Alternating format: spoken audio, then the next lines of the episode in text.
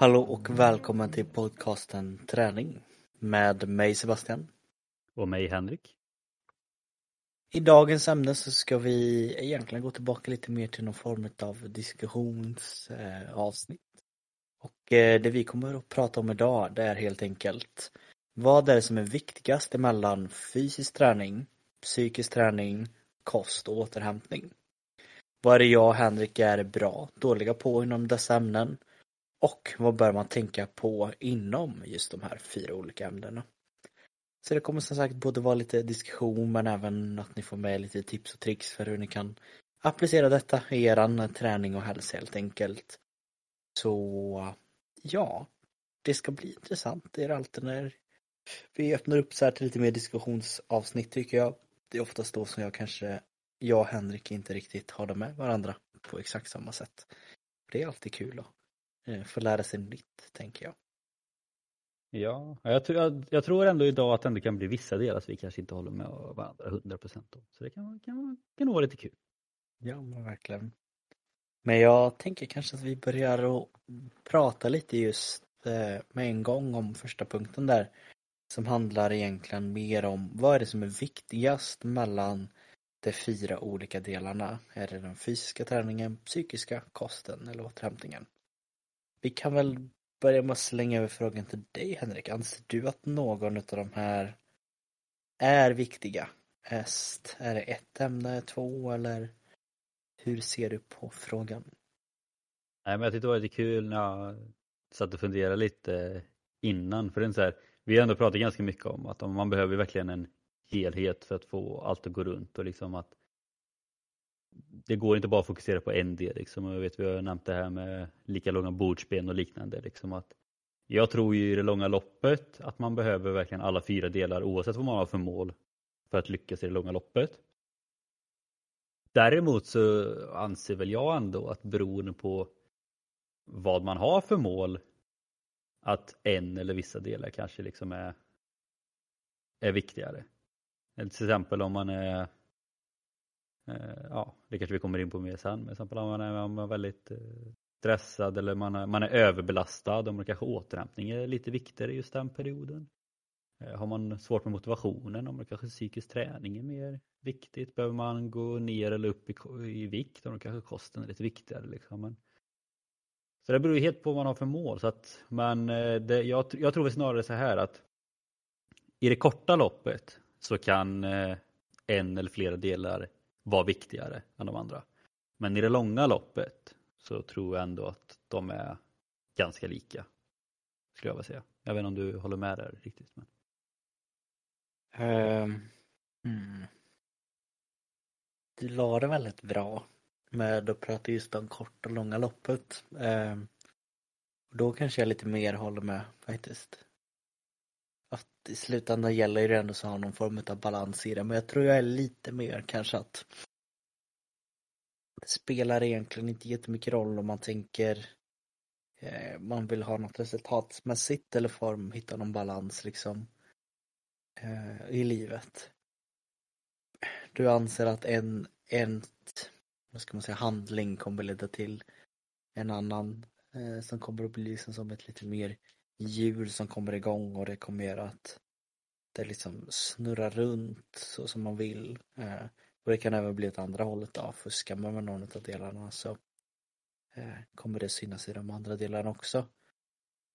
Så jag tror väl kanske lite starkt att det, det är väldigt svårt att klara en grej utan den andra. Sen så kan man ju då kanske se att behöver man alltid ha koll på alla punkter själv.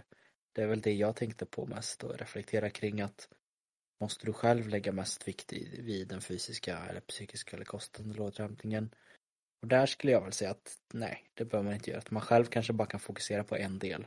Men att man får stöttning och professionell hjälp kring de andra fyra. Och då blir det ju lite sagt att man själv kanske bara kör en del. Eh, men det, det är, jag är lite kluven när det löpte på kort och långsiktigt faktiskt. Men sen det svåra är ju liksom också vad man, alltså hur man klassar det som lika stor del. För det är så här, som fysisk träning, det kanske du inser att du kanske måste träna tre gånger i veckan eller fem gånger i veckan för att se resultat. Psykisk träning, liksom, alltså du måste ju kanske ha, du måste ha en stabil ett stabilt psyke eller vara liksom inte för stressad och du måste ha motivation och allting. Men jag menar, alltså om man är stabil mentalt till exempel så att du inte behöver hålla på med mental träning eller jobba med psyket då kan man ändå lägga det på is på ett helt annat sätt och fortsätta få resultat. Om man jämför med, exempel med, med fysisk träning är ju svårare till exempel att lägga på is och sen hoppas att man får större biceps till exempel.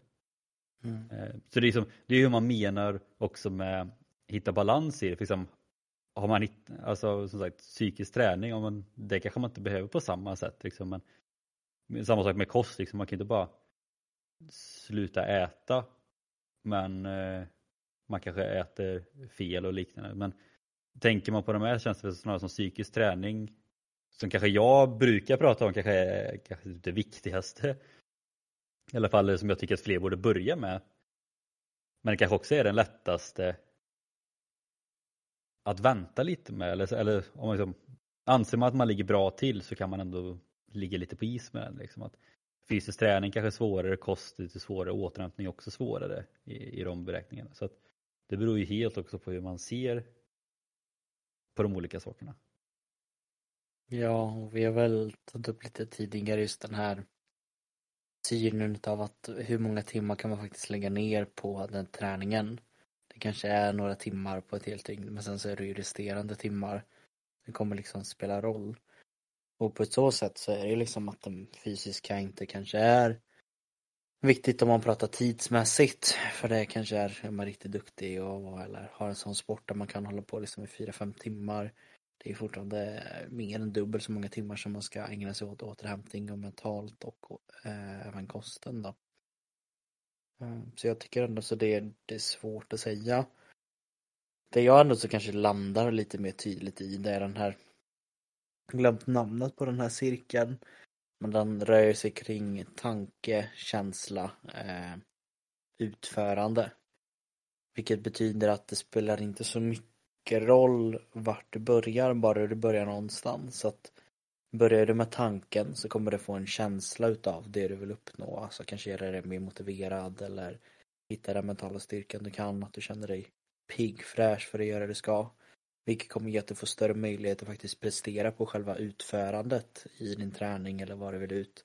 Vilket kommer göra dig ännu mer motiverad som kommer sen gå in på tanken som går vidare till eh, känslan och sen så är det bara en snurrning där på alla grejerna. Och där som sagt att du kan hoppa in och börja tänka det mentala eller eh, känslan eller utförandet och det kommer mer snurra igång och det är något som man har sett Eh, och där kanske jag är väldigt kluven. Men det enda som kan liksom möjligtvis om jag ska verkligen hitta en del som är lite eh, viktigare än den andra. Det skulle jag nog ändå säga är den psykiska träningen. För den tycker jag kommer med i alla delarna. Eh, och för att försöka förklara det är det kanske att du behöver inte vara så fysiskt stark för att orka och äta. Du behöver inte vara så duktig egentligen på återhämtning för att vara duktig på kosten. Men det psykiska behöver du med under alla delar när du gör ett fysiskt träningspass oavsett om det är att du bara vill hålla igång eller faktiskt prestera på en högre nivå. Du behöver ha psyket för att klara av det där och då. Eh, med kosten, du behöver ha psyket och orken och faktiskt klara av att hålla dig till någon form av kostschema eller röra dig. Och samma med återhämtningen, det gäller det att du även klarar av och mentalt liksom slappna av. Du är tillräckligt motiverad för att kanske genomföra de icke så, eh, vad ska man säga, mer återhämtande grejer som är till för återhämtningen. Till exempel pratar jag där om till exempel om man är på en elitnivå, gör de här kallbaden eller viss form av eh, väldigt eh, scraping, typ sådana saker som kanske där då inte är det mest bekvämaste men mentalt är du inställd på att det här är något jag behöver göra för att sen kunna återhämta mig så mycket så jag kan göra de grejerna. Och jag tänker där med psyket, just kanske framförallt kring en elitnivå men även det som många faller på med vanlig träning eh, det är att de inte orkar hålla uppe psyket under en längre stund och då fallerar allt det andra. Men eh, jag tror fortfarande grunden, min syn i alla fall, är att börjar du bara någonstans så kommer de andra att börja följa med. Bara du är tillräckligt investerad i en av delarna liksom. Ja. Men man kan ändå säga lite, alltså, jag tyckte du förklarade väldigt bra, men det, det är lite intressant det med just alltså, psyket, för på något sätt så är det egentligen att psyket lägger en grund för alltihopa. Liksom, mm. och tappar du psyket så kommer du tappa allt annat också. Det är därför man hör många som mår psykiskt dåligt. Liksom, men de, de klarar inte av att äta, de klarar inte av att sova och återhämta sig, de klarar inte av att träna. Liksom, så det lägger en grund. Men sen också som Sebastian sa, det, liksom, med till exempel elitidrottare och sånt. Liksom, och ja, men även som bara med kallbad, att det kan vara lite jobbigt. Liksom, men det är också det, det psykiska som får en att kanske ta det extra klivet mot det här jobbiga. Liksom. Så man kan säga att det finns olika lager. Det finns liksom den viktiga grunden som gör att vi bara klarar av att göra det vanliga i vardagen. Liksom. Och sen finns det även det, det där när vi ska gå över det här riktigt jobbiga steget. Så att det är det som är intressant, för liksom på ett sätt känns det fortfarande, i alla fall, jag tycker i alla fall så som jag sa det, liksom att känner man sig stabil på det här planet så kanske man kan pausa det lite under ett tag. Men samtidigt så är det ju återigen då, kanske lite nu också när Sebastian förklarar hur man förstår ännu mer att ja, det kanske ändå är den viktigaste biten. Så att det är verkligen hur man ser på saker och ting. Men eh, jag tänker vi ska göra så här också. Vi ska gå igenom de här fyra lite, jag vet inte hur djupt vi går in på dem, men jag tycker i alla fall det kan vara intressant att diskutera lite med våra erfarenheter inom de här olika. Eh, jag och tänker vi börja med fysisk träning som vi kanske pratar väldigt mycket om och den står först på listan här. Och hur anser du själv? Anser du att du är bra eller dålig när det kommer till fysisk träning? Och då tänker jag liksom både nu och även förr i tiden, alltså genom uppväxten? Eller liksom, är det något som varit stabilt under hela tiden? Är det något som blivit bättre under åren eller, liksom, eller sämre kanske? Eh, jag tänker så här, jag har nog alltid, upplever jag, kunnat hantera fysisk träning rätt så bra. Eh, med tanke på att jag liksom kanske mer haft viljan och även vågat göra det här lilla extra. Även kanske att jag varit öppen för kunskapen och lära mig hur man gör rörelser rätt och försökt lära mig det lilla extra. Eh, så det skulle jag ändå säga att det är väl det kanske jag har varit själv starkast i. Eh, sen behöver man inte alltid vara duktig på kunskap. Men det kanske också handlar om formen av koordinationsmässigt hur man klarar av att göra den fysiska träningen. Att är man byggd för att kunna lära sig att ta in hur man gör en marklyft? Vissa har svårare för det, vissa inte. Är man byggd för att kunna lära sig hur man ska löpa? Ja, men vissa har svårare för det, vissa har enklare för det. Men på det sättet så tror jag den kanske har varit den enklaste punkten för mig eh, under resans gång liksom. Både förr och nu.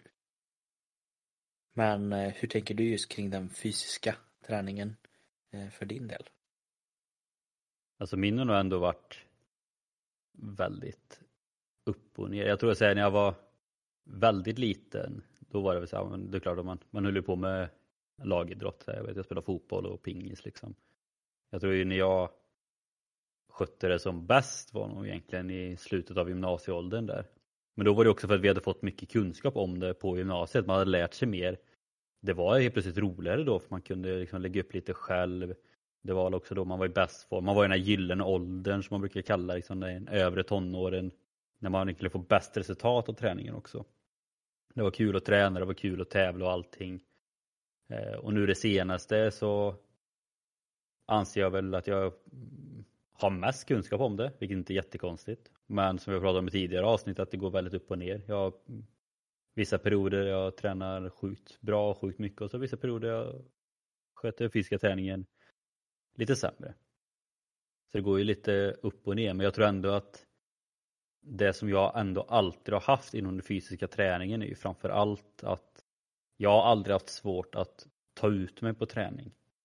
Liksom att, ja men har det varit ett tungt eh, fyspass, om det aldrig varit några problem, har det varit tunga intervallpass liksom, så jag har alltid Jag har ju varit den här jobbiga jäveln i laget som nästan föredrar intervallträning före fotbollsträning liksom. Så att den biten har jag ändå alltid haft, att på träningar så har jag ju alltid kunnat verkligen pressa mig till max om det har behövts. Vilket, vilket ändå varit väldigt kul att ha det. För man har ju ändå märkt nu, för när man är tränare nu, liksom att det är inte så självklart att ha det ändå. Och det har väl lite med psykiskt också liksom. Men det Ja, kräver så- också mycket fysiskt. Det gör det ju. Men jag tycker också kul för att jag Jag tänkte först säga att det har varit en av mina styrkor inom det fysiska men reflekterar jag efteråt, det är liksom inte riktigt vart det. Mitt mål har kanske varit att ligga i topp kring det som är runt omkring mig. Att jag har liksom kunnat känna att amen, jag gör det här och då, då är jag lite bättre än den bredvid mig. Eller jag har gjort det här och då ligger jag kanske typ först i löpgruppen när vi tränar med handbollen. Men jag hade ju inga problem heller med att ligga sist för att jag kände att men jag hänger ju med alla, det är ju inget det här heller. Jag vet ju att när jag var yngre så var det alltid vissa tränare som sa och satte just mål för mig att Sebastian, du ska ligga först hela tiden. Och då var det inte min riktigt styrka ligga fysiskt trötta ut mig utan då låg jag ju enbart först. Bara för att jag skulle det. Även om jag kanske hade kunnat pressa mig ännu mer liksom. För jag ser det kanske mer som någon form av psykisk eh, styrka liksom ändå. Men vi kan gå in lite på det, för nästa punkt är ändå psykisk träning. Och Mm. det, alltså det som jag ändå tycker är väldigt intressant om jag, om jag kollar på min historik inom träning och tävling. Är att inom träning så har jag alltid liksom lätt kunnat pressa mig till max, inte haft några problem med det. Och jag tror också mycket av det har väl liksom varit att om jag var väl alltså under hela uppväxten liksom ofta i topp i laget när det kom till just framförallt löpning.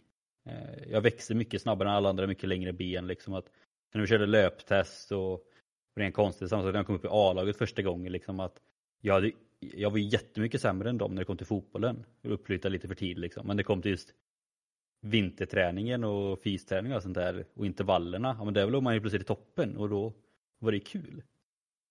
Däremot något som jag ändå har haft ganska stora problem med under hela mitt idrottande är att kunna få samma effekt på tävling. Där har jag helt plötsligt varit ganska feg och så här lite rädd att misslyckas. Jag vet ofta i fotbollen så har det varit så här tajta matcher liksom så har jag ibland nästan så här bytt ut mig själv för att jag vill inte vara den avgörande som släpper in eller gör ett felpass eller missar en brytning och så blir det mål i baken och så förlorar man matchen liksom. Vilket jag tycker är väldigt tråkigt nu när man har fått jobba mycket med det liksom och lärt sig så oerhört mycket om det på universitetet framförallt liksom. Men även i löptävlingar ibland när jag var yngre var ju det någonting som jag kunde ha väldigt svårt för liksom att kände jag tidigt i loppet liksom att men jag kommer inte komma jag kommer inte komma på pallen. Jag kommer inte komma topp 5, jag kommer inte ens komma topp 10 liksom. Eller jag kommer inte slå personbästa. Då kunde jag väl också bli lite som du pratar om, man kunde bli lite bekväm, man drar ner lite på tempot. det Så, så att man, man hänger med. Fast man pressar inte sig själv. Det var ju det som jag nästan var mest nöjd med under eh, SM-sprinten i OCR i somras. Liksom att, ja, det gick, alltså placeringsmässigt så var det kanske inte det bästa. Men jag gav verkligen allt jag hade. Jag hade liksom inte kunnat ge mer. Och den känslan är så oerhört skön och man ångrar nästan att man inte fick fram den känslan mer när man var yngre på något sätt. Så att jag vet inte varför det blivit så. Men det är också det man önskar att man kanske hade fler i sin närhet som hade koll på det här med psykisk träning. Liksom att jag var väldigt stark på att pressa mig själv när det kom till träning. Jag var ganska dålig på att pressa mig själv när det kom till tävling. Och det är ganska intressant att sitta här i efterhand och tänka på det. Men det är också väldigt tråkigt att det blev så. Man, alltså, man vet ju inte hur det hade kunnat bli på träningar och tävlingar om man hade kunnat pressa sig på tävlingar också. Mm. Ja, det är intressant. Man kan vara liksom så pass olika. För mig var det ju liksom helt tvärtom. Eh, att när så fort det var tävling då hade, kunde jag i princip göra vad som helst som krävdes för att eh, prestera. Eh, det var liksom, kände knappt smärta tänkte jag säga, vilket inte kanske är jättepositivt men det var ju på den nivån att eh, man alltid ville göra det bästa som bara gick. Eh, men det kommer ju från ett väldigt stort vinnar eh, psyke, att man har så svårt att förlora. Skulle jag väl säga. Kanske också så här efterhand när man inte var den som tog förluster hårdast så ville jag ju absolut inte förlora. Men det var ju väl alltid någon form av lite bekvämlighet i att jag visste att det gick att prestera. Jag tog gärna liksom initiativ och så. Men sen det som ligger lite just med det psykiska det är det här att ibland i sådana situationer så gäller det kanske inte att vara så medveten om heller vad man ska göra och inte göra. För de som liksom kunde prestera som bäst om man kollar i idrottssyfte, jag tänker även det är i träningssyfte, det är när man inte riktigt har förståelsen över att det är press. Mm. Att man, de som man kanske störde sig lite extra på, som sköt kanske typ så här 100 skott, nu är det väldigt överdrivet, men kanske så här 20 skott och kanske sätter 10 de var man ju rätt så irriterade på att bara, varför skjuter du så mycket och inte sätter ingenting? Men det var ju de som också sköt när det var en sekund kvar och du måste sätta liksom. Eh, Medan för andra kanske tog det lite lugnare. Men eh, där är det väl mer att bara kanske ha någon form av självsäkerhet i sig själv. Och det är ju svårt att säga liksom vart styrkan ligger i där. Och också hur bekväm man är att sätta sig i situationer där man inte känner att man har koll. Eh, det som jag hoppas och det som jag alltid försöker förmedla just med träningspass och liknande. Det är att där och då gäller det mest att bara vara inne i det man gör och liksom ta de här små stegen, inte tänka så mycket på allting runt omkring. Det är väl det som är svårt i träningssyfte och generellt i livet. Att få en acceptans över att saker som ligger utanför vad du själv kan påverka det kan du ju inte påverka.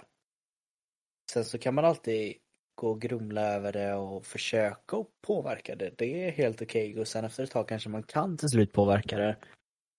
Men det är ju därifrån det kommer just mycket med den psykiska, tänker jag, att man reflekterar över saker som är utanför sin egen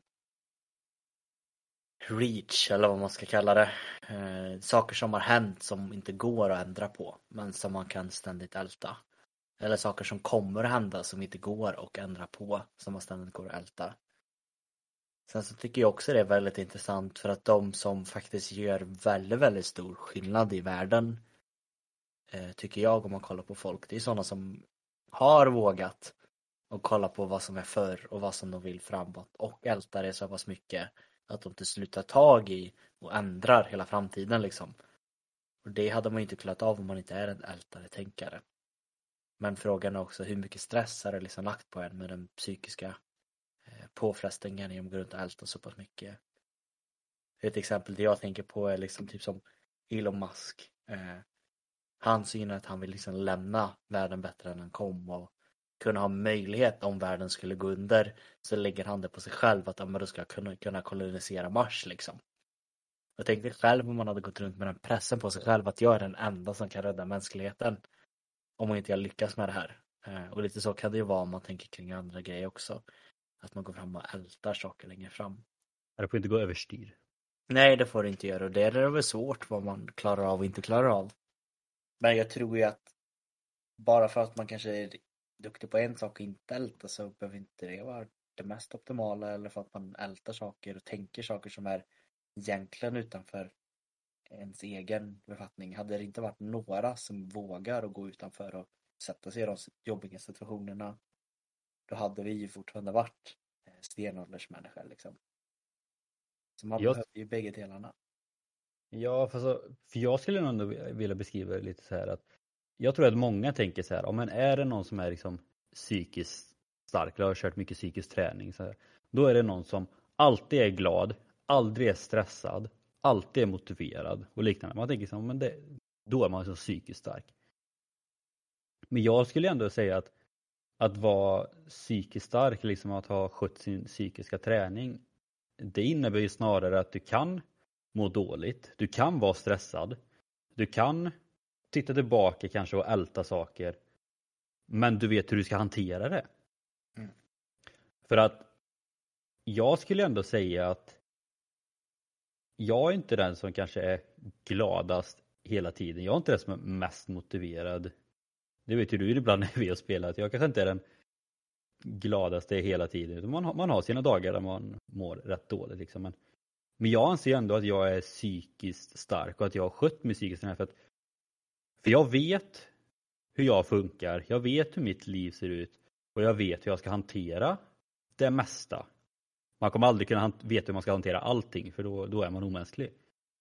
Men jag vet liksom hur mitt mående är, jag vet hur min stressnivå är, jag vet när jag behöver trappa ner på saker, jag vet när jag behöver öka på saker och jag vet hur jag ska hantera olika saker.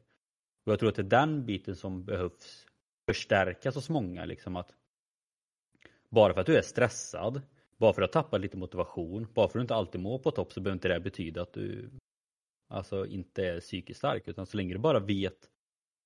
För vissa kan det bara vara starkt att veta att man är stressad. Att veta att man inte mår på topp. Liksom. Bara där tycker jag att man har gjort ganska stora framsteg.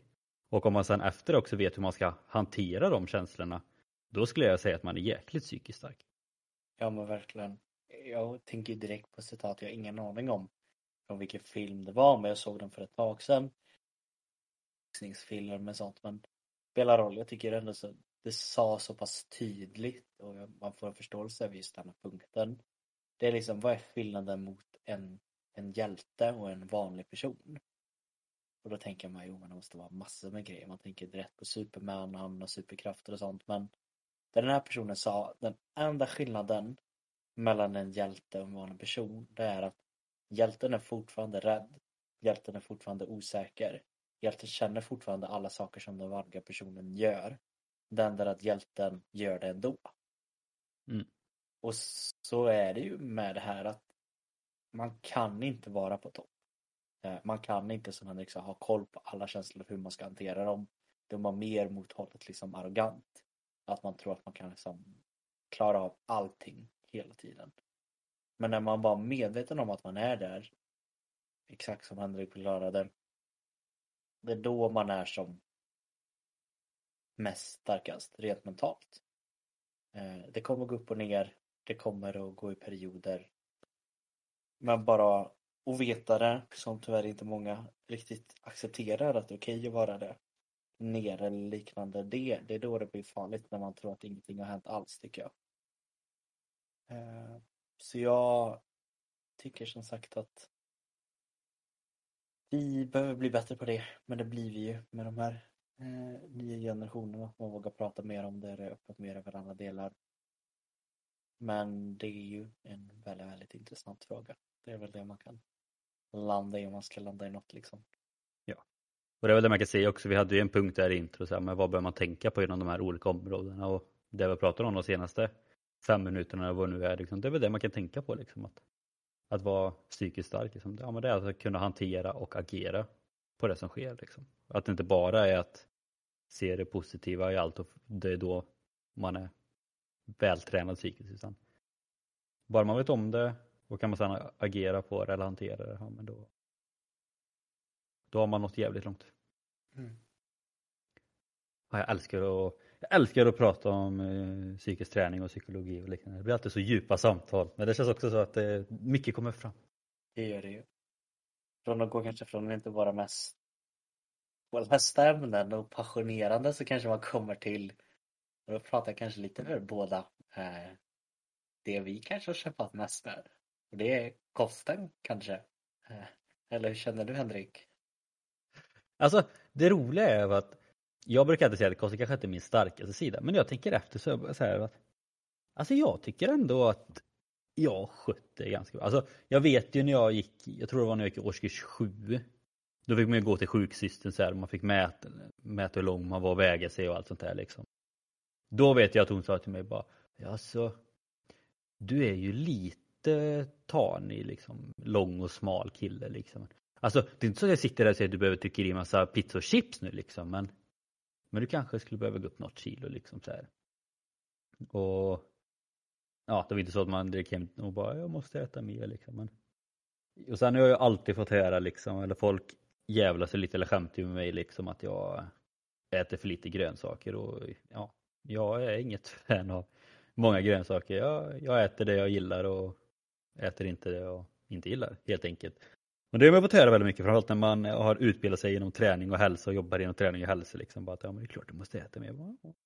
Nej, det gör jag inte. Det kommer jag att stå fast vid jag äter det jag vill äta. Men, men liksom när man tänker ändå så här, vad jag äter, liksom, att, att jag är ändå uppvuxen ute på landet. båda mina föräldrar har jobbat inom lantbruk. Liksom det har ändå varit väldigt mycket så här, men, köttgryta och potatis. Det har varit köttfärssås och spagetti. Liksom. Det har varit kassler och ris.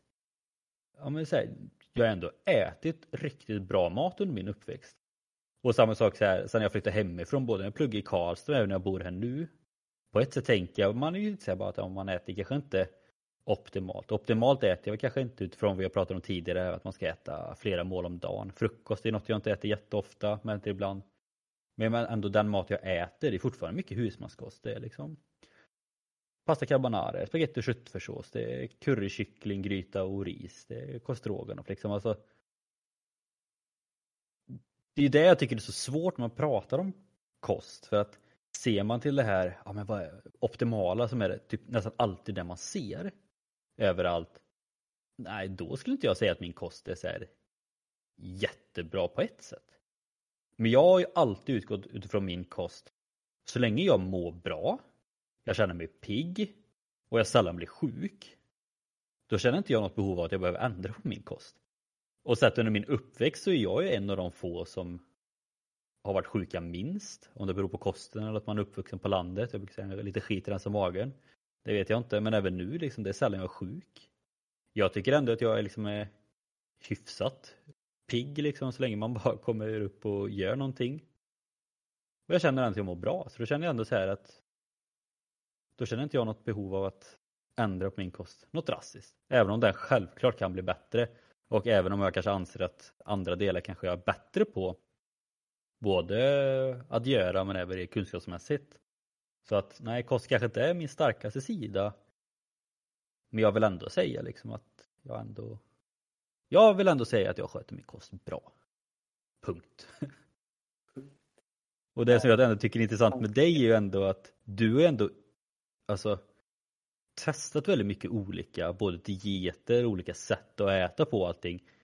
Jag har ändå ätit exakt så som jag har gjort sen jag föddes känns det som. Men jag menar du varierar ju flera gånger per år känns det som. Ja, det är väl det man, man har lyssnat på på podden har man ju förstått att jag har ju sett det både som en stark fördel men även en väldigt nackdel att jag blir en periodare. Att jag fastnar och det fastnar väldigt hårt för ämne eller livsstil. Typ som ett tag var det jättemycket styrkelyft. Då var det bara styrkelyft. Ett tag var det jättemycket äta bara sallader. eller bara sallader. Och det går, har gått lite fram och tillbaka men sen har det varit att jag haft ett intresse och kunna liksom experimentera med mig själv. Att vad, vad är optimalt för mig och vad har fått min kropp att må som bäst liksom. Och jag kan ju säga att just nu så tycker jag väl ändå så att det går upp och ner med hur pass duktig jag ska säga att jag är. Vissa perioder så får jag mig lite bättre mat. Eh, andra perioder så kanske det inte riktigt blir eh, det mest nyttiga. Men eh, jag försöker i alla fall att hitta någon form av balans. Det jag har lite svårt för och det har ju mer ihop med det psykiska det är när jag kanske gör någon gång en liten slarvig grej att jag har väldigt lätt fortfarande för att fortsätta på det spåret under en lite längre tid. Istället för att bara, nej men nu, det var en gång, det räcker. Eh, och det kommer jag nog alltid ha lite svårt att göra med. Och det hänger ju mentalt. Eh, men ja. Kosten. Jag är också så pass medveten om vad jag kan använda kosten för att faktiskt kunna prestera och liknande. Men eh, ja, den är svår. Den är svår att sätta och den är svår att hitta och vad är det man vill få ut utav det? Vill man må bra? Vill man minska risken för hjärt och kärlsjukdomar? Vad är det faktiskt man vill använda kosten till? I slutändan så landar jag väl i någon form av blandning att jag vill njuta. Jag vill känna att jag får i mig bra energi. Jag vill att det ska vara långvarigt. Och det är väl det jag har landat nu i slutet lite i och med att jag mår så pass bra och folk inte har fattat det så har jag ju börjat äta väldigt mycket. Eller egentligen enbart veganskt nu det sista. Och jag har inte mått så här bra någon gång tror jag. Jag vet att jag sagt det typ till kunder, jag kanske inte sagt det i podden. Men jag har ju gått runt och trott att det är någonting som alla känner att man har ont i magen. Eh, typ varje dag. Eh, Och det har liksom varit, ja men så här är livet. Det, det är så det är för alla. Jag är liksom har svårt att förstå, är det på grund av att jag tar bort de animaliska produkterna? Eller är det på grund av att jag har tagit bort köttet? Är det på grund av eh, något annat? Det är svårt att säga. Jag mår ju jäkligt bra. Eh, det tänker jag att det kommer jag nog hålla i väldigt, väldigt länge om det får gå så pass bra. Sen blir det en helt annan diskussion och då är man ärlig mot sig själv om det hade blivit ett väldigt, väldigt bakslag på det. Och det är väl det man får tänka på med sin kost överlag tänker jag. Fungerar det som Henrik säger att man inte får bakslag då kanske man ska hålla sig till det. Eh, det kanske är onödigt att gå och experimentera om man inte ser att det är värt att experimentera för något annat. Man kanske får verkligen tänka efter att det är okej att jag har ont i magen. Är det okej att min energinivå är som den är? Är det okej att jag sover på det sättet jag gör? Det kan till och med vara andra mer fysiska grejer som man kanske bara har acceptans i att huden är på ett speciellt sätt eller håret är på ett speciellt sätt eller humöret är på ett speciellt sätt. Men eh, vill man ändra någonting och göra en förändring då, då kan det vara kosten som kan göra otroligt mycket och som sagt, om man in på kosten, det är nog så mer än 55 procent av den vuxna befolkningen som är överviktiga, kraftigt överviktiga är vad det till och med var. Så det är ju alltså mer än hälften av varje person man stöter på som borde göra någonting med kosten för att minska risken för att dö förtid. Den går ju att suga på lite den mm. karamellen där och se, är jag en av dem som kanske borde tag i min kost? Det får man se helt enkelt om man är mentalt redo för att göra detta. Det får man göra. Men jag tycker också det är intressant just det här med att du pratar om att du gått över till veganskt nu och mår så bra av det. För jag har också träffat fler personer innan som har gått över till vegansk kost och så är det många som frågar bara, men varför blir du vegan? Liksom, är det för miljön eller är det för djuren? Och de bara, Nej, alltså egentligen inget av det. Det är bara för att jag mår bättre av det. Mm. Så det är vissa som mår bättre av vegansk kost och även fast de kanske inte bryr sig. Det kanske bara är det, det andra med, att, med djuren och miljön kanske bara är en bonus liksom. Men vissa mår bara bättre av det. Och sen det svåra när det kommer till just kosten är ju liksom så här för att vissa grejer kommer ju kortsiktigt och vissa långsiktigt och mycket med kost kan ju komma långsiktigt. För att för jag tycker ju att mycket med så forskning inom kost och mycket rekommendationer är så ja, men det, det är för mycket liksom och i vissa fall tycker jag nästan att det är sjukt överdrivet och i vissa fall till och med orealistiskt liksom. Är så att, för det vet jag när jag tog upp en klass liksom hur det ser ut för rekommendationerna för en fotbollsspelare liksom. Man bara, alltså äta så mycket och så ofta liksom, alltså på ett sätt så ja det kanske är optimala men det är också så här ska man hela tiden rekommendera optimala för att vi vet ju hur lättpåverkade vi är i dagens samhälle. Och vissa får ju panik för att de inte äter på det optimala sättet. Så att jag vill ändå trycka på det och det är verkligen helt utan eh, forskning och allting. Det här är bara min personliga åsikt och det är som jag egentligen sa för mig och lite som Sebastian sa nu också att så länge man ändå äter hyfsat normalt och känner som sagt att man, man mår bra, man sällan blir sjuk, man har energi. Fortsätt ät så. Då behöver man inte ändra till tre extra måltider eller öka kanske kalorierna med tusen eller ta bort tusen liksom. Sen är det skillnad kanske om man käkar McDonalds varje dag och känner att man fortfarande har allt det där, vilket jag inte tror. Ja men då kanske man ändå behöver ändra på det om man vill se i det långa loppet med hjärt och kärlsjukdomar. Liksom. Men om man fortfarande äter till exempel husmanskost eller man äter liksom ändå utifrån tallriksmodellen. Om man mår bra, man är frisk och allt sånt där bara. Då anser väl ändå jag att man inte behöver göra allt för stora förändringar i alla fall.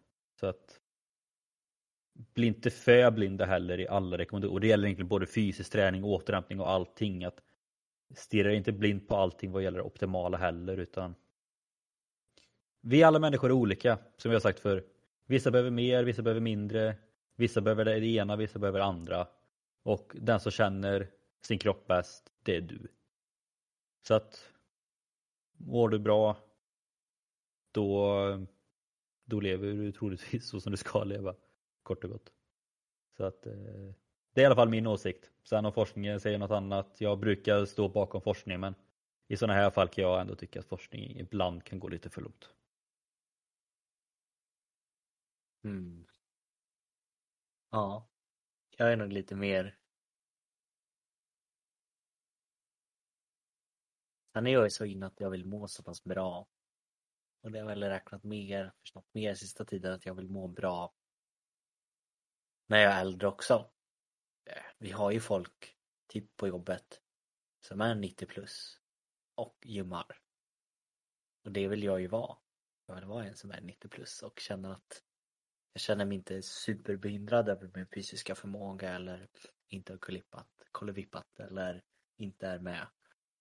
Jag tror ju, för det menar också mer än, än vad jag tror. Men alla pratar om att det ska komma upp någon form av medicinsk lösning på hur vi kan leva längre. Och det kommer det säkert göra. Men jag tror också att det kommer komma en förståelse över kosten. Hur vi kan leva längre och mer ett optimalt liv.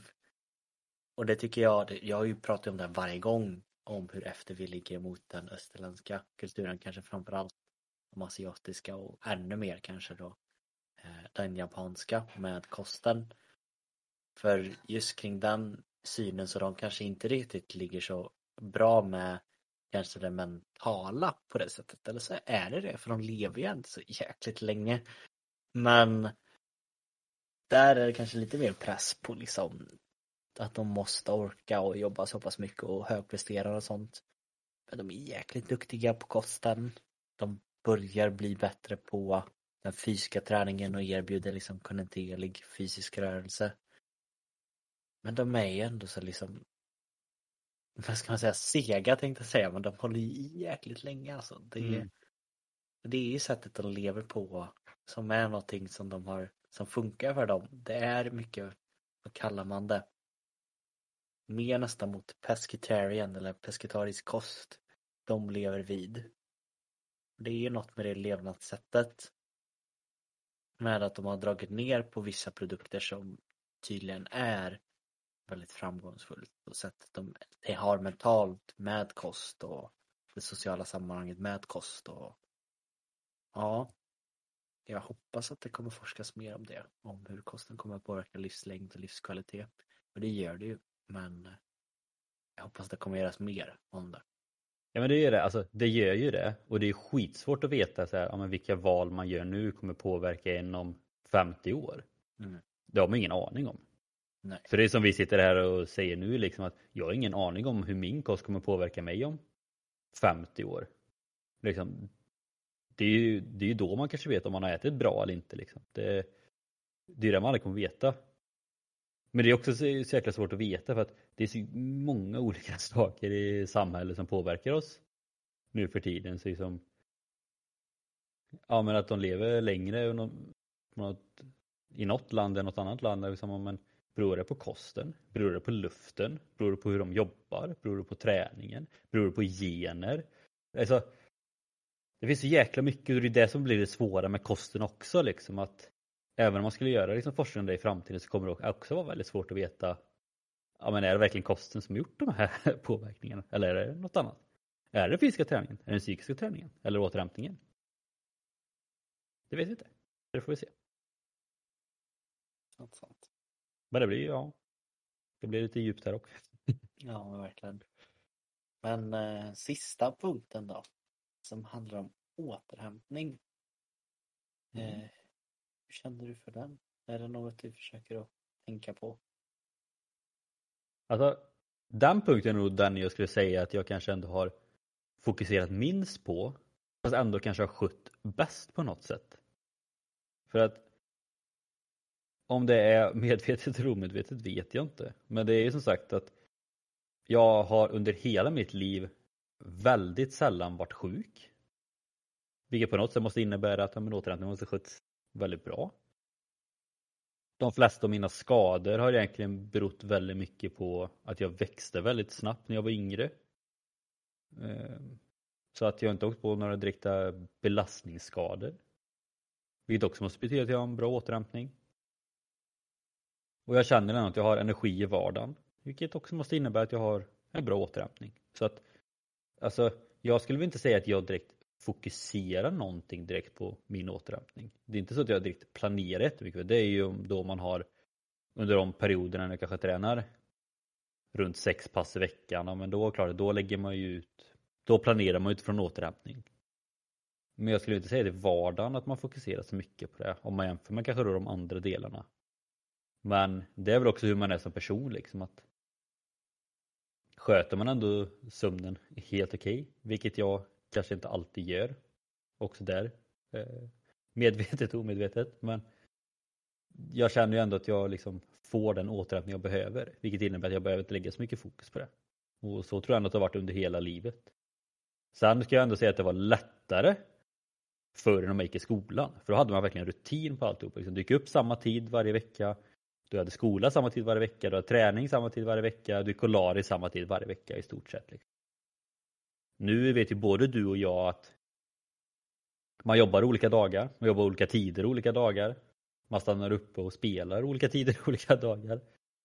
Man sover olika timmar olika dagar. Så att så sätt så har väl återhämtningen kanske blivit sämre, för man har sämre rutiner. Men jag skulle inte säga att jag har blivit jättepåverkad av det ändå. Jag vet inte hur du, hur du ser på det. Jag har väl alltid varit duktig på att känna av när min kropp säger nej. Mm. Eh, och faktiskt försökt att följa med och förstå att men nu, nu är den trött och den säger ganska ifrån. Tidigare har jag alltid varit att jag har kopplat det liksom. Att jag har fått ont i magen och blivit typ sjuk och varit hemma. Det har varit för mycket. Eh, men nu har det inte riktigt skett på samma sätt. Men jag har fortfarande ganska tydlig bild över när kroppen säger nu behöver du vila. Jag lyssnar ändå så rätt så bra på när den säger att du behöver vila. Eh, det får jag väl ändå säga. Och det kanske är den viktigaste egenskapen att ha när det kommer till återhämtning egentligen. Ja. Men sen så är jag ju också väldigt dålig på det. för att jag är, jag är så pass medveten om att kroppen vill vila. Men jag väljer att bara hmm. Men jag är också inne i en sån period där jag inte ska vila utan jag ska vila sen. Och då är det frågan, ska man göra det, inte göra det? Det är svårt att säga. Men det är en sjukt intressant punkt. Dels för att jag diskuterat den väldigt mycket hela förra veckan med lite kunder och annat. Och jag har väl lite mer faktiskt landat i eh, och det är lite kul för det är liksom ingenting som jag pratade om innan vi började prata om det här ämnet. Men att jag funderar på att ändra om mitt nyårslöfte.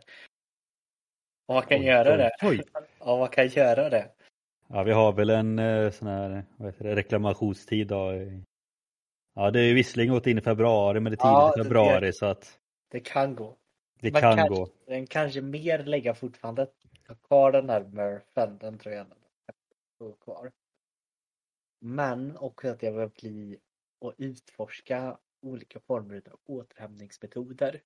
Det jag mm. verkligen har nördat med mig extremt mycket i den sista tiden och verkligen sett sjukt intressant forskning över kallbad, verkligen mental träning, floating, blandat varm och kallbad, eh, graping, alltså sådana grejer att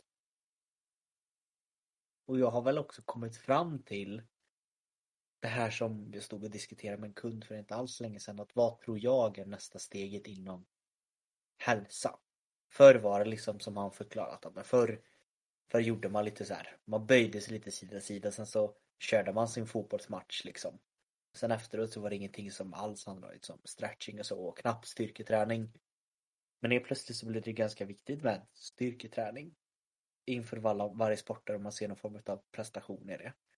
Eh, och då kopplar jag det över till att det jag tycker är intressant och i och med att USA brukar oftast ligga före oss i det här. Det är allting som NFL-spelarna har börjat att göra för att återhämta sig så optimalt som det går. Det är de här, vad kallas de? Det är typ som små inhägnader där det inte är isbad utan de går in i en liten kapsel. Mm. Som har luft som liksom fryser ner till väldigt låg temperatur. Vi pratar om massor med grader minus. Där de står en kort stund för att verkligen få den effekten som man får av kallbaden fast på en extrem nivå. De går in och jobbar med de här lufttryckskammarna för att verkligen återhämta sig på en helt ny nivå. Det är liksom så sjuka grejer de jobbar med där borta för de har pengar och man har sett liksom positiv effekt av det. Men hur jag skulle kunna applicera det i mitt egna liv och se hur skulle jag reagera om jag lägger mer fokus på återhämtningen. Och om jag orken då pressa mig fysiskt, psykiskt och orka hålla igång kosten. Så jag, Ni är hör- ja, jag är väldigt inne på det. Ni hörde det här först folks. Sebastian ska bli en forskare. Woo! Nästan. Mer eller mindre. Jag, jag kan gå ut och lägga in en prediction. Jag tror att nästa steg inom träning och hälsa, först och främst är det jag pratat om länge.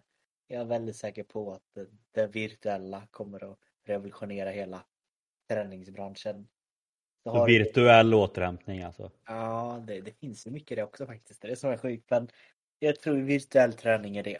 Men sen tror jag att nummer två, eller om det är samband med virtuellt, det är att det kommer erbjudas mycket, mycket bättre återhämtningsmöjligheter inom träning och hälsa. Mm. Och är det någon som har ett gym och inte har börjat att fokusera på detta och du har kapitalet och fokuserar på detta, då undrar jag bara vad är det du gör? Varför har du inte redan börjat och köpt in en sån superåterhämtningsfrys eller vad man ska kalla den? För jag, eh, det är min prediction alltså. Jag är rätt så Men- säker på att det kommer ske. Nu, det kanske är jättedumt på ett sätt att ta upp det här nu. Men bara för att det här känns som något man skulle kunna tjäna lite pengar på. Mm. Varför har inte fler gym återhämtningspass som grupppass? För ingen ser vikt i att återhämta sig. De ser min återhämtning är att inte gå till gymmet. Nej men det är det man får, alltså jag tror, ju- jag tror ändå att det är ganska lätt att sälja in. För att få lite folk att börja med det i alla fall. Vi trademarkar det här och nu. Alla som lyssnar.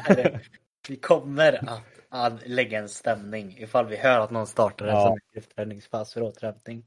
Bara så ni vet. Så det är därför jag- vi kan ju fortfarande klippa bort det men jag kände ändå att ja, det var ändå lite snabbt. Ja, faktiskt. Sen har jag bara två punkter. Jag känner också tillägga utifrån reglerna med nyårslöfte. Jag anser ändå att det där är inte en ändring av nyårslöfte. Jag skulle snarare säga att det är ett tillägg av nyårslöfte. Okej. då. Och det tycker jag är helt fine att göra. Eh, sen vill jag bara tillägga, nu har vi gått förbi det ganska långt, men typ det första du sa med återhämtningen där med att du kanske ans- ändå anser att du är lite dålig på det för att du kanske kä- känner att kroppen säger nej fast det är ingen återhämtningsvecka till exempel. Men då är frågan egentligen, betyder det att du är dålig på återhämtning? Eller betyder det egentligen att du snarare har bra koll eller känner dig stark inom fysisk, framförallt psykisk träning som klarar av att träna även fast kroppen kanske säger nej för du vet att återhämtningsveckan kanske kommer om en eller två veckor och då får du den återhämtning du behöver. Det är ju det som blir det roliga med de här punkterna och sättet de hänger ihop på. För som du säger, ja, just där och då kanske du är dålig på återhämtning. Just där och då kanske du också är psykiskt stark så klarar av att köra ett träningspass när kroppen säger nej. För att du vet att du kommer få den återhämtning du behöver om en och en halv vecka istället och det räcker. Och då blir du helt plötsligt bra på återhämtning igen. Mm. Så det Ja. blir ju lite som ett knyte med de här punkterna liksom att ja, ena stunden kanske du är dålig på det ena och bra på det andra men efter någon vecka kanske du ändå blir bra på det för att du var bra på det andra sen. Det blir så här, det är riktigt mindblown eh, punkt men det är i alla fall så jag, så jag hade sett på det. Ja. Och det är också en grej som jag tycker att vi människor är fruktansvärt dåliga på att trycka ner oss själva när vi gör någonting. Som i det här fallet, hade du inte tränat, då hade du säkert tryckt ner dig själv för att du inte tränade och var för dålig på det. Och nu blir det, nu trycker du inte ner dig själv, men du kanske hade tryckt ner dig själv och anser att du är för dålig på återhämtning för att du tränar. Och nu säger inte jag att det är så med dig, för det tror jag inte, för jag tror du har så pass bra koll. Men jag tror många människor kan känna så, liksom att man ser det negativa i det man gör istället för att tänka på ett annat plan och se det positiva på det. Så det är också någonting man kan ta med sig liksom att i vissa fall kanske det finns, vi, vi brukar alltid säga det när vi pratar om forskning och liknande, att vi vill alltid se det positiva från båda sidor. Och lite så kan vi tänka i sådana här fall också som i ditt fall. Att, ja, du tränar, ja det kanske inte är det bästa enligt det här. Men det kanske är det, är enligt det här sättet så är det bra. Och också tvärtom att du ska träna men känner att du inte du känner att kroppen inte är helt fine.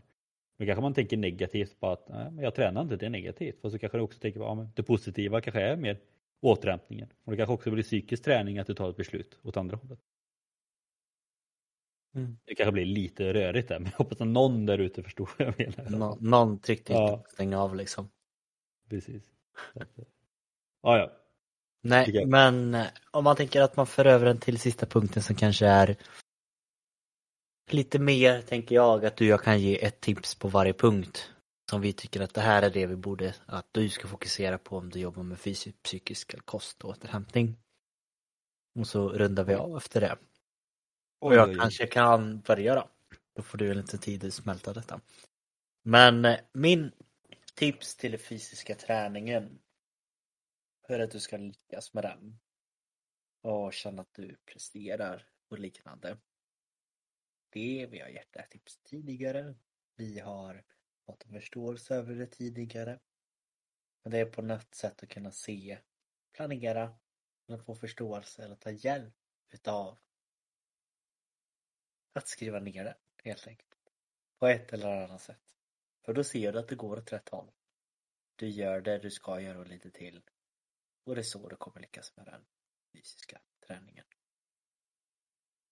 Jag skulle väl säga variation.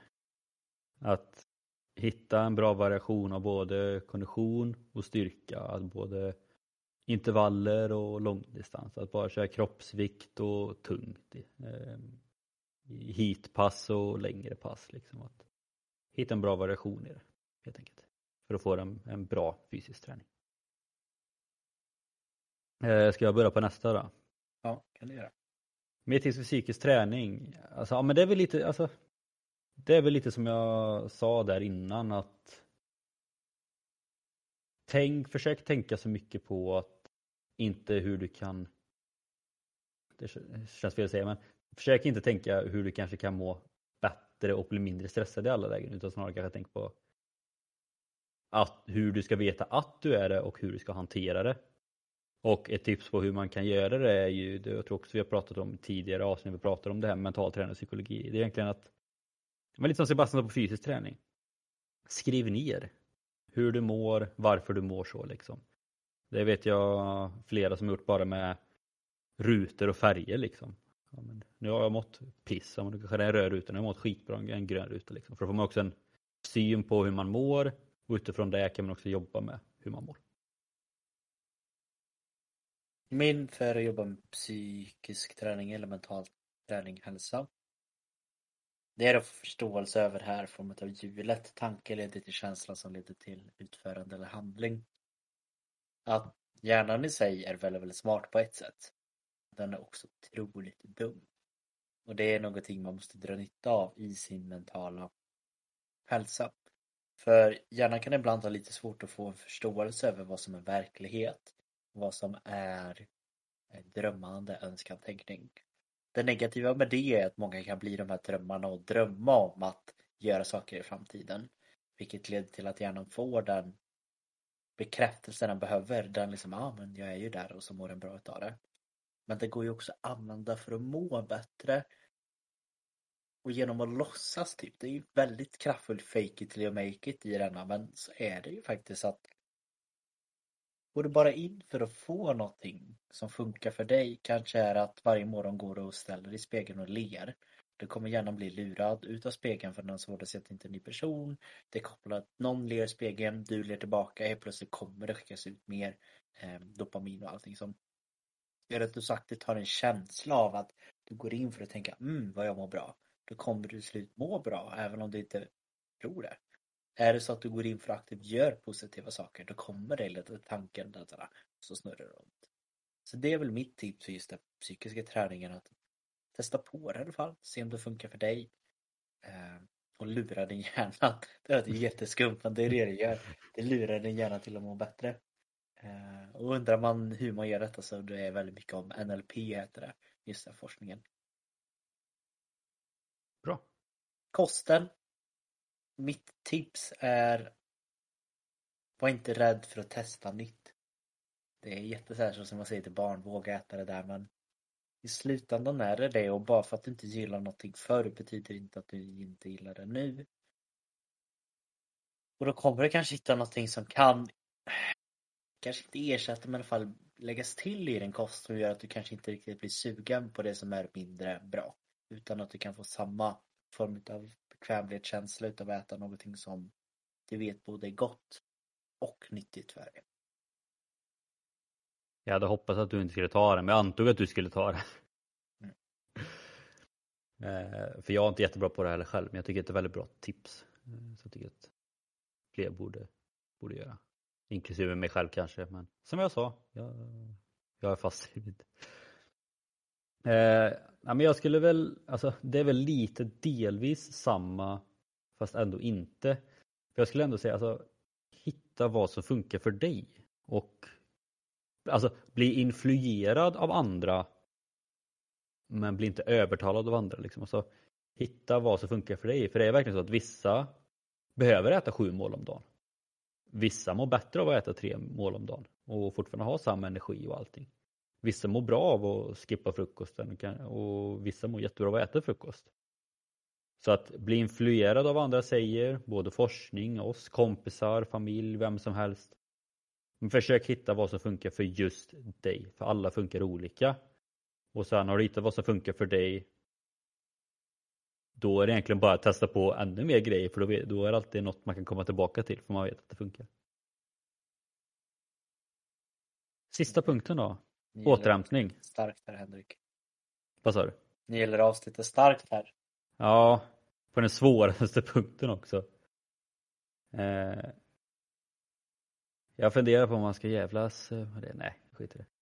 Eh, jag, jag tror väl att din punkt är ganska klar där, men jag skulle verkligen säga kanske den viktigaste, men underskatta inte återhämtningen. Även om man anser att man kanske är, bra återhämtare kanske man behöver återhämtas ännu mer. Det är, utifrån mig själv också, det är väldigt lätt att ta återhämtningen för givet.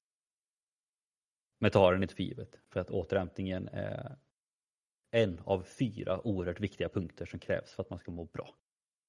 Jag skulle nog säga för återhämtning mitt bästa tips. Då kanske jag till och med ger det här tipset till mig själv nu när jag sitter här och reflekterar över hur jag ska lyckas med det här målet. Det är minst en gång i veckan, helst en gång per dag, men du kan börja med minst en gång i veckan, planera in någonting som är till för att du ska bli återhämtad.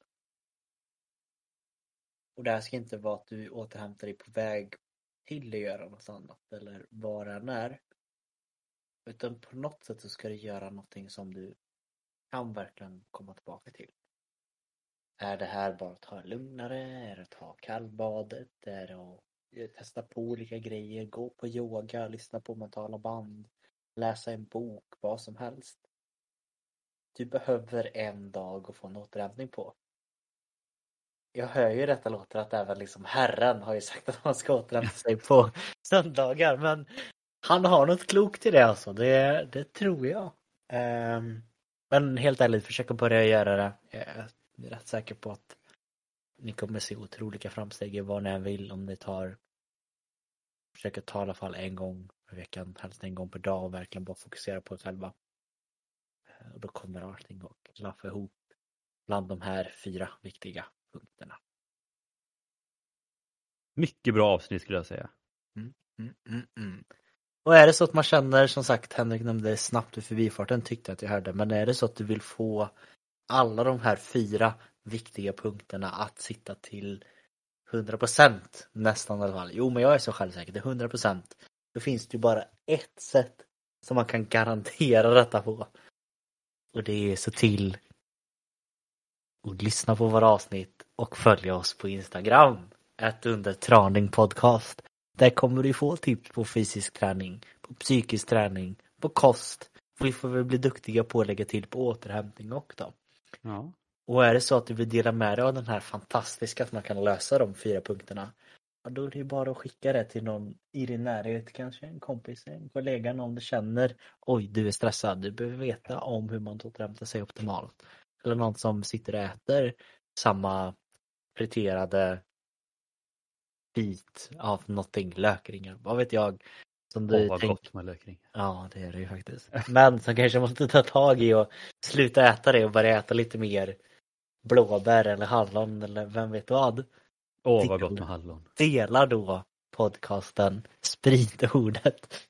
Sprid våra sju, fyra grundpelare eh, runt till alla. Eh, Men det är också ganska enkelt att hitta oss för vi släpper ju ett avsnitt varje vecka helt enkelt. Vi måste bara, jag måste bara tillägga det, det här med att sprid gärna till folk ni känner att Stort tack för jäklar vilken spridning podden har fått det senaste. Alltså det är många som lyssnar varje vecka och det är jäkligt kul att gå in och se. Så stort Ja, men- tack för det och hoppas ni fortsätter. Ja, det, det var glömt att säga tack för länge, men det är ju fan sant. Vi har ju legat uppe i topp fem i mest lyssnade poddar för träning nu ett tag igen. Det var länge sedan. Ja. Vi har fått upp några avsnitt på mest lyssnade avsnitt inom träning igen. Eh, och det är alltid kul. Eh, självklart hade jag och Henke gjort det här även om det inte trillade in supermånga eh, lyssningar. Och vi är ändå så tacksamma för er som fortsätter att lyssna. Och ska man ge någon liten pik på vad ni inte gjort så bra, då är det skicka in, då är det skicka in träningsbingon. Den har ni inte varit alls så duktiga på, så den får någon faktiskt ta tag i och få första rutan, eller första raden. Så du kan få den där shoutouten. Det, nej, det var fy på er. Det, Ja, hemskt. det får ni bli bättre på. Det har ändå så gått en tid. Men ni kanske inte haft möjlighet att lösa det, så då, ni, ni får, då får någon vecka till att lösa det. Annars Man så... fokuserar på återhämtningen. Eller hur? Men annars är det väl helt enkelt som vanligt då, att vi vi önskar er alla en fortsatt trevlig dag och eh, vi hörs nästa vecka helt enkelt. Det gör vi. Ha det gott.